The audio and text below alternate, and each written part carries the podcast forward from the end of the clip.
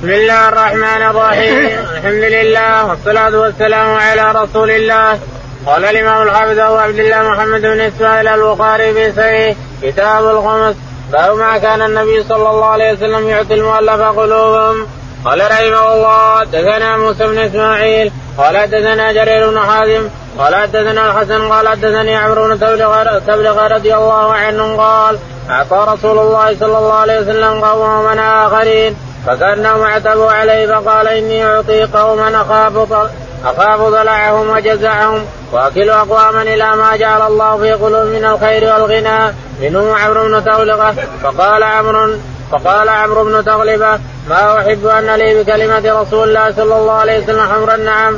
وزاد أبو عاصم جرير قال سمعت الحسن يقول حدثنا عمرو بن تغلبه رضي الله عنه أن رسول الله صلى الله عليه وسلم أتي بمالنا وبسبي فقسمه بهذا. بسم الله الرحمن الرحيم. الحمد لله رب العالمين. وصلى الله على نبينا محمد وعلى آله وصحبه أجمعين.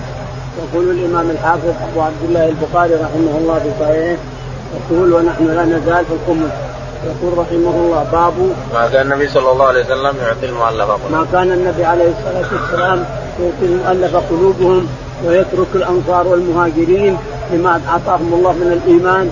بالله وبرسوله يتركهم حتى إن الأنصار عتبوا عليه كما سيأتي وجمعهم في قبه ووعظهم كما سيأتي.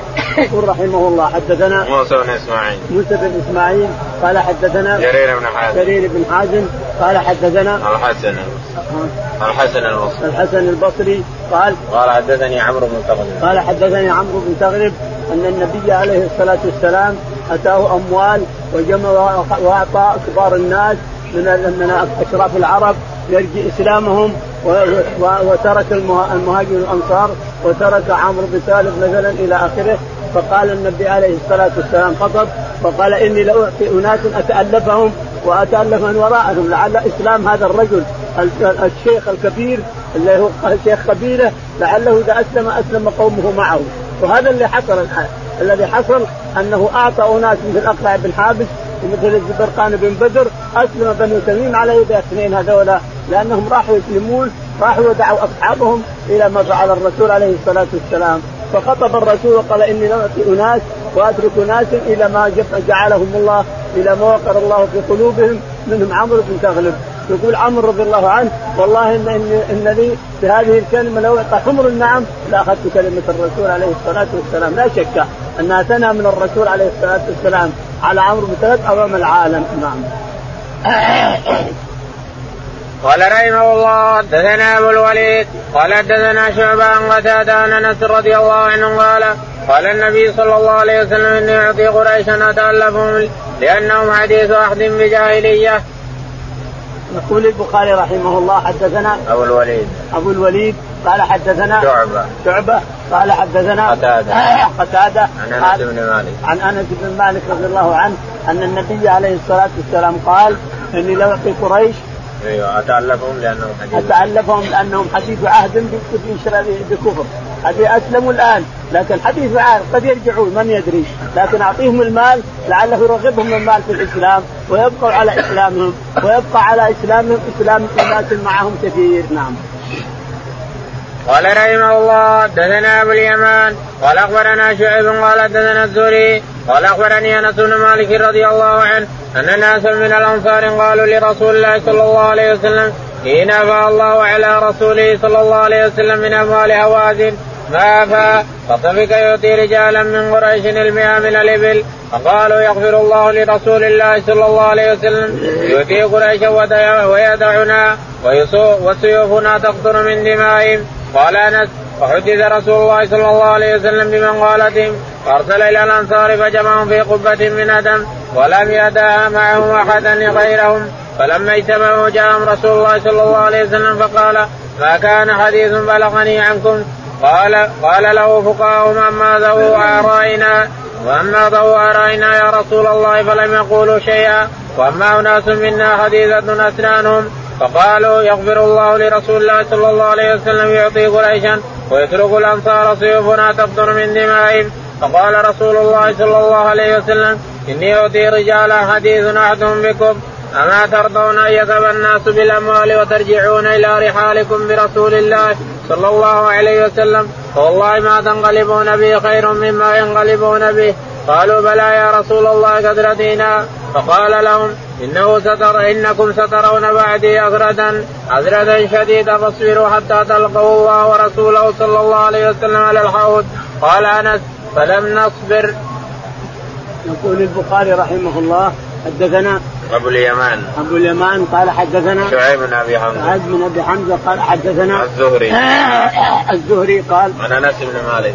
عن أنس رضي الله تعالى عنه أن النبي عليه الصلاة والسلام بلغه أن الأنصار رضي الله تعالى عنهم تكلم بعض شبابهم لأنه كان يعطي قريش ويعطي أشراف العرب من الأموال ويترك الأنصار.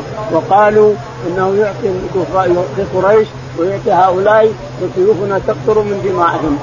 فسمع الرسول أو قيل له هذه المقالة جمعهم على قبة خيمة خيمة من أدم. جمعهم ولم يدعي معهم. ما دعا معهم احدا إلا الأنصار فقط. ما دعا معهم أحد. ولما اجتمعوا وقيل لهم إنهم اجتمعوا جاءهم الرسول عليه الصلاة والسلام فقال ما هذه المقالة اللي بلغني عنكم؟ قالوا يا رسول الله أما فقهاؤنا فلم يقولوا شيئا. وأما الشباب فتعرف رأي الشباب.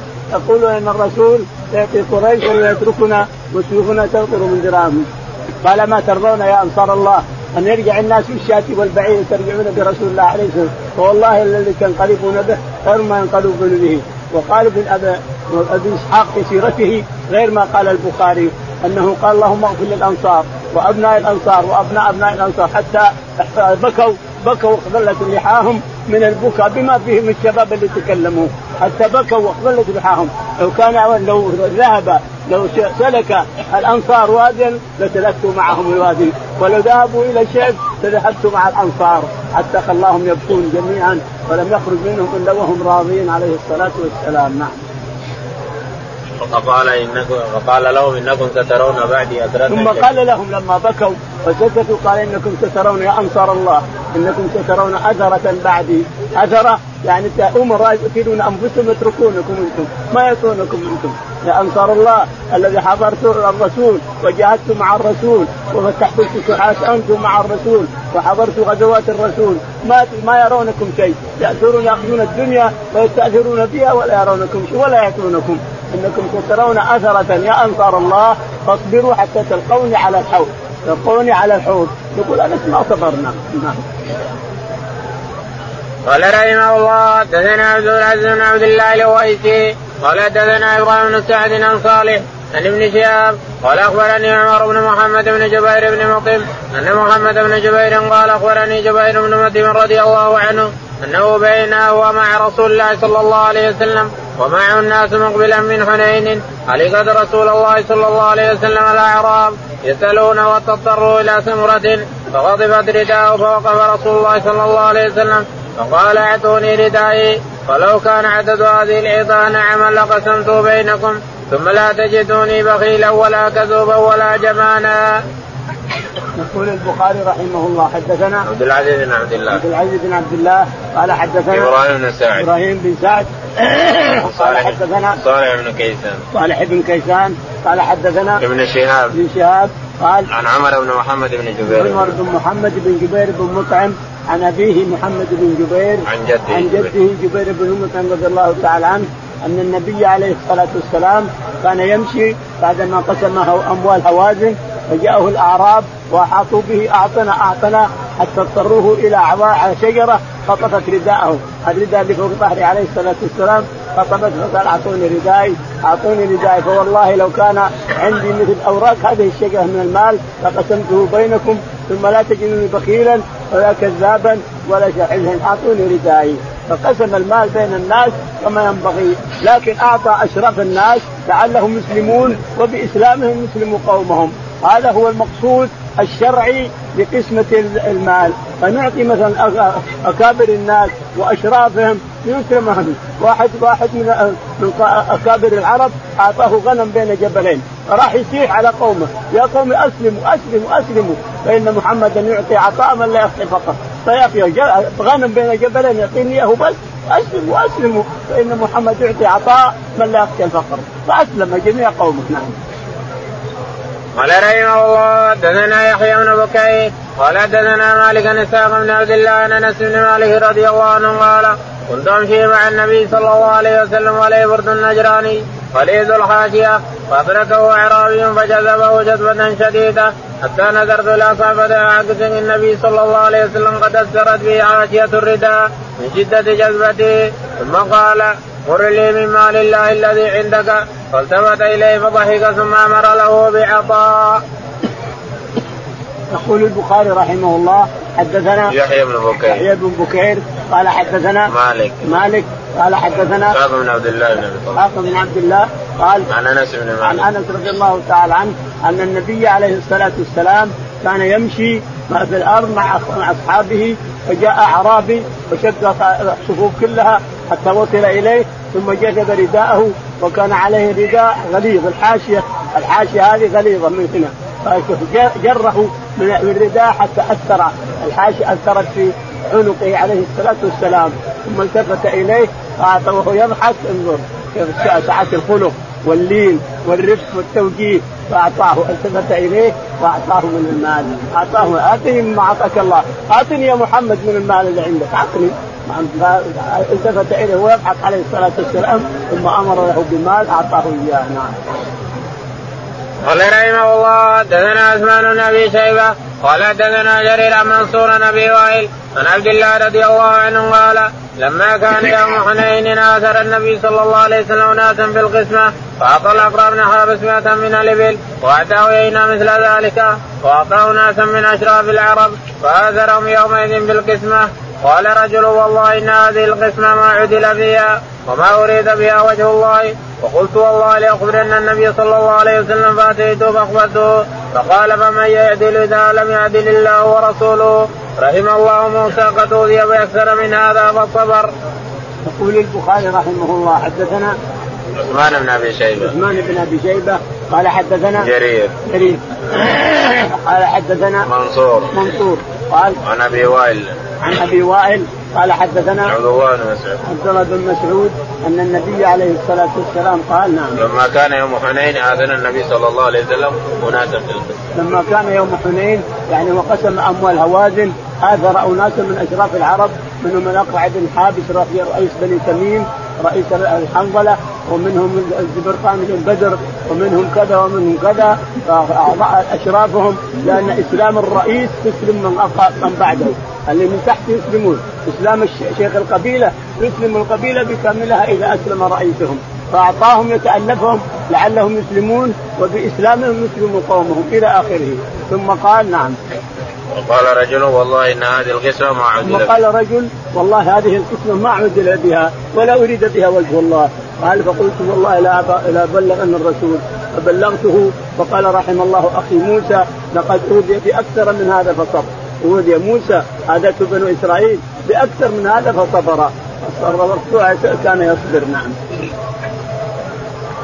قال رحمه الله حدثنا محمود بن غيلان قال حدثنا أبو أسامة قال حدثنا هشام قال أخبرني أبي عن أسماء بنت أبي بكر رضي الله عنه قالت كنت أنقل النوى من أرض الزبير التي قطعه رسول الله صلى الله عليه وسلم على رأسي وهي مني على ثلثي برسخ وقال أبو دمران الشام بن نبي أن النبي صلى الله عليه وسلم أوقع الزبير أرضا من اموال بني النضير. يقول البخاري رحمه الله حدثنا محمود بن غيلان محمود بن غيلان قال حدثنا أبو أسامة. أبو أسامة قال حدثنا هشام بن عروة. هشام بن عروة. عن أبيه. عن أبيه عروة بن الزبير. عن جدتي أسماء. عن جدتي أسماء بنت أبي بكر الصديق رضي الله تعالى عنها وهي زوجة الزبير بن العوام. يقول كنت أنقل النوى للعلى للبقر يأكلون وللبهائم اللي تثني تثني الماء تطلع الماء من الآبار تنقل لهم من الحديد من الغابة التي أقطع الرسول الزبير. الزبير أعطاه الرسول عليه الصلاة والسلام ارضا تسمى الغابة وهذا هو السبب هو هو يعني موافق الترجمة الترجمة أن الرسول أعطى ارضا من من الخمس أو من المغانم أعطاها الزبير بن العوام يسمى الغابة فصارت أسماء تنقل النوى وتنقل العلف للبهائم وللجمال ولغيرها من الغابة نعم. قال رحمه الله حدثني أحمد بن المقدام قال حدثنا الفضيل بن سليمان قال حدثنا موسى بن عقبة قال أخبرني نافع عن ابن عمر رضي الله عنهما أن عمر بن الخطاب رضي الله عنه أجل اليهود والنصارى من أرض الحجاز وكان رسول الله صلى الله عليه وسلم لما ظهر على أهل خيبر أراد أن يخرج اليهود منها وكانت الأرض لما ظهر عليها لليهود وللرسول وللمسلمين. فسأل اليهود رسول الله صلى الله عليه وسلم أن يتركهم على أن يكون عمله ولهم نصف الثمره فقال رسول الله صلى الله عليه وسلم نقركم على ذلك ما شئنا واقر حتى أجلاهم عمر إلى في امارتي إلى تيمة وريحا. يقول البخاري رحمه الله حدثنا أحمد بن المقدام. أحمد بن المقدام. قال حدثنا الفضيل بن سليمان. الفضيل بن سليمان. قال حدثنا موسى بن عقبة. موسى بن عقبة قال نافع عن ابن عمر نافع عن ابن عمر أن النبي عليه الصلاة والسلام أن عمر بن الخطاب أجل اليهود والنصارى. أن عمر بن الخطاب أجل اليهود والنصارى لما صار خليفة في السنتين من خلافته أمر باجلاء اليهود فلا تجتمع لا يجتمع في أرض الجزيرة دينان لا يجتمع يهودي ونصراني ومسلم ما يمكن. فاجلى اللي أقرهم الرسول بخيبر اجلاهم إلى تيمة وإلى أريحة يعني المقدس بيت المقدس. وذلك أن الرسول عليه الصلاة والسلام لما استولى على خيبر أراد أن يجليهم فقالوا أبقنا يا رسول الله الأرض أخذتوها خلاص لكم لكن نحن نعمل ولنا النصف من شطر ما يخرج. فقال نقركم ما شئنا. اعملوا على الأرض وأخرجوا الثمر ولكم نصف الثمر ولنا نصفه. لكن نقركم في هذه الأرض ما شئنا. لأن الأرض صارت الآن لله ولرسوله وللمسلمين. فأقرهم الرسول عليه الصلاة والسلام على أن يعملوا بالنصف. لهم الشطر وللرسول وصحابته الشطر. وقسم الحدائق والأراضي وغيرها على المسلمين. كل جاء شطره الكلاليب وغيرها والبطيح والنجيح وغيرها كلها حديقه لها أسماء كل قصر من قصورهم له اسم كما ذكره إسحاق في سيرته. الشاهد أن الرسول أقرهم على أن يعملوا لهم النصف نصف ما يخرج من الأرض وللرسول والصحابة نصف ولكن عمر رضي الله عنه لما تولى سنتين من خلافته أخبر اليهود قال يلا توكلوا على الله. ما إحنا في حاجة إليكم. ان نجيب من المسلمين عمال يعملون. ثم أجلاهم إلى تيماء تيماء الحين في جزيرة في شمال الجزيرة. شمال المملكة يعني هي الحدود بينه وبين الأردن. تيماء رئيسها يقال له ابن رمان. تيماء لها عندهم بير يسمى بير كذا هداج يسمونه هداج. ما ما في بير غيره. بير كبير واسع. يجيله الله أعلم خمسة أمتار أو سته أمتار طول وخمسة أمتار أو سته أمتار عرض إذا صبت الدنيا كلها من الدنيا ونزعت بان الماء. ما نزعت وإلا ما ما صبت الدنيا ما بان الماء. من كثره المياه. الشاهد أن أميرها كان بالرمان في عهد في عهد الملك عبد العزيز يوم أيام الملك عبد العزيز. والبير يسمى حجاج وهي على على مسافة قريبة من تبوك قريبة من تبوك. نعم. باب ما يصير من الطعام في أرض الحرب قال رحمه الله حدثنا أبو الوليد قال حدثنا شعبان عن بن هلال عن عبد الله بن مغفل رضي الله عنه قال كنا محاصرين قصر خيبر فرمى إنسان بجراب به شحم فنزوت لآخذه فالتفت فإذا النبي صلى الله عليه وسلم فاستحييت منه. يقول البخاري رحمه الله حدثنا باب ما يصير من الطعام في أرض الحرب. باب ما يلقى من الطعام في أرض الحرب، يعني اليهود حرب لنا للصحابة للرسول والصحابة حرب لهم. فما يلقى من فوق الجدار يطيح فهو لاخر يؤخذ فيه يؤخذ كسب لأنه حلال لأنهم محاربين. لكن يقول عبد الله بن مغفل إني كنت تحت جدار فوقي كيس كبير أو قال بدر أو شيء من هذا مليان شحم. يقول فألقي يقول فأردت أن أخذه التفت وإذا رسول الله ورائي فاستحييت خذه ما في شيء. الرسول ما يقول لك شيء. إلا إذا كان مغانم لكن هذا مو مغانم. رماه رماه اليهودي على الأرض وقع على الأرض. وأنت أقرب الناس إليه خذه. لأنه ما في مغانم الآن. إلا كان هناك كلما رمي وكلما جاء يبي يقسم مغانم هذا شيء آخر. نعم. قال رحمه الله حدثنا مسدد قال حدثنا حماد بن زيد عن أيوب النافع عن ابن عمر رضي الله عنهما قال كنا نسيء في مغازينا العسل والعنب فنأكله ولا نرفعه. يقول البخاري رحمه الله حدثنا مسدد. مسدد قال حدثنا حماد بن زيد. حماد بن زيد قال حدثنا أيوب. أيوب قال حدثنا نافع عن ابن عمر. نافع عن ابن عمر يقول ابن عمر رضي الله عنه كنا نأكل العنب إذا مغازي يعني. والعسل وغيرها ولا نقتل ما يصير له قسمة. نأكله بحاله ناخذ منه ونأكل نعيش يعني منه قبل أن تقسم تقسم المغانم إلى اخره قال رحمه الله دثنا موسى بن إسماعيل قال دثنا عبد الواحد قال دثنا الشيباني قال سمعت ابن أبي أوفى رضي الله عنهما يقول أصابتنا مجاعة الليالي خيبر فلما كان يوم خيبر وقعنا في العمر الآلية فانتهرناها فلما غلت القدور نادى منادي رسول الله صلى الله عليه وسلم اطفئوا القدور فلا تطعموا من لحوم الحمر شيئا. قال عبد الله فقلنا إنما نهى النبي صلى الله عليه وسلم لأنها لم تخمس. قال وقال آخرون حرمها البته وسألت سعيد بن جبير فقال حرمها البتة. البخاري رحمه الله حدثنا موسى بن إسماعيل. موسى قال حدثنا عبد الواحد. عبد الواحد قال حدثنا الشيباني الشيباني قال عن ابن أبي أوفى. عن ابن أبي أوفى قال قال أصابتنا مجاعة الليالي خيبر. يقول أصابتنا مجاعة أيام خيبر ولياليها يعني جوع شديد. لأن ما عندنا أزواج نأكل وهذول بحصنهم ما نزلوا. ما بعد فتحوا خيبر. يقول فوجدنا حمر. آلية فذبحناها وصرنا نطبخها فنادى الرسول عليه الصلاة والسلام أن تبقوا القدور واغسلوا أيضا أواني. فقال يا رسول الله واكسروا الأواني كسر فقال له بعض الصحابة يا رسول نغسلها أحسن من كسرها لأن الأواني ما لها ذنب إنما طبخنا فيها. فرمينا اللحم والماء كله رميناه في الأرض لكن نكسر القدور لا إنما نغسلها غسل لأنها أموال. فقال اغسلوها إذا والذي قال إن إنه حرم المتعة في خيبر فهو غلطان. نعم.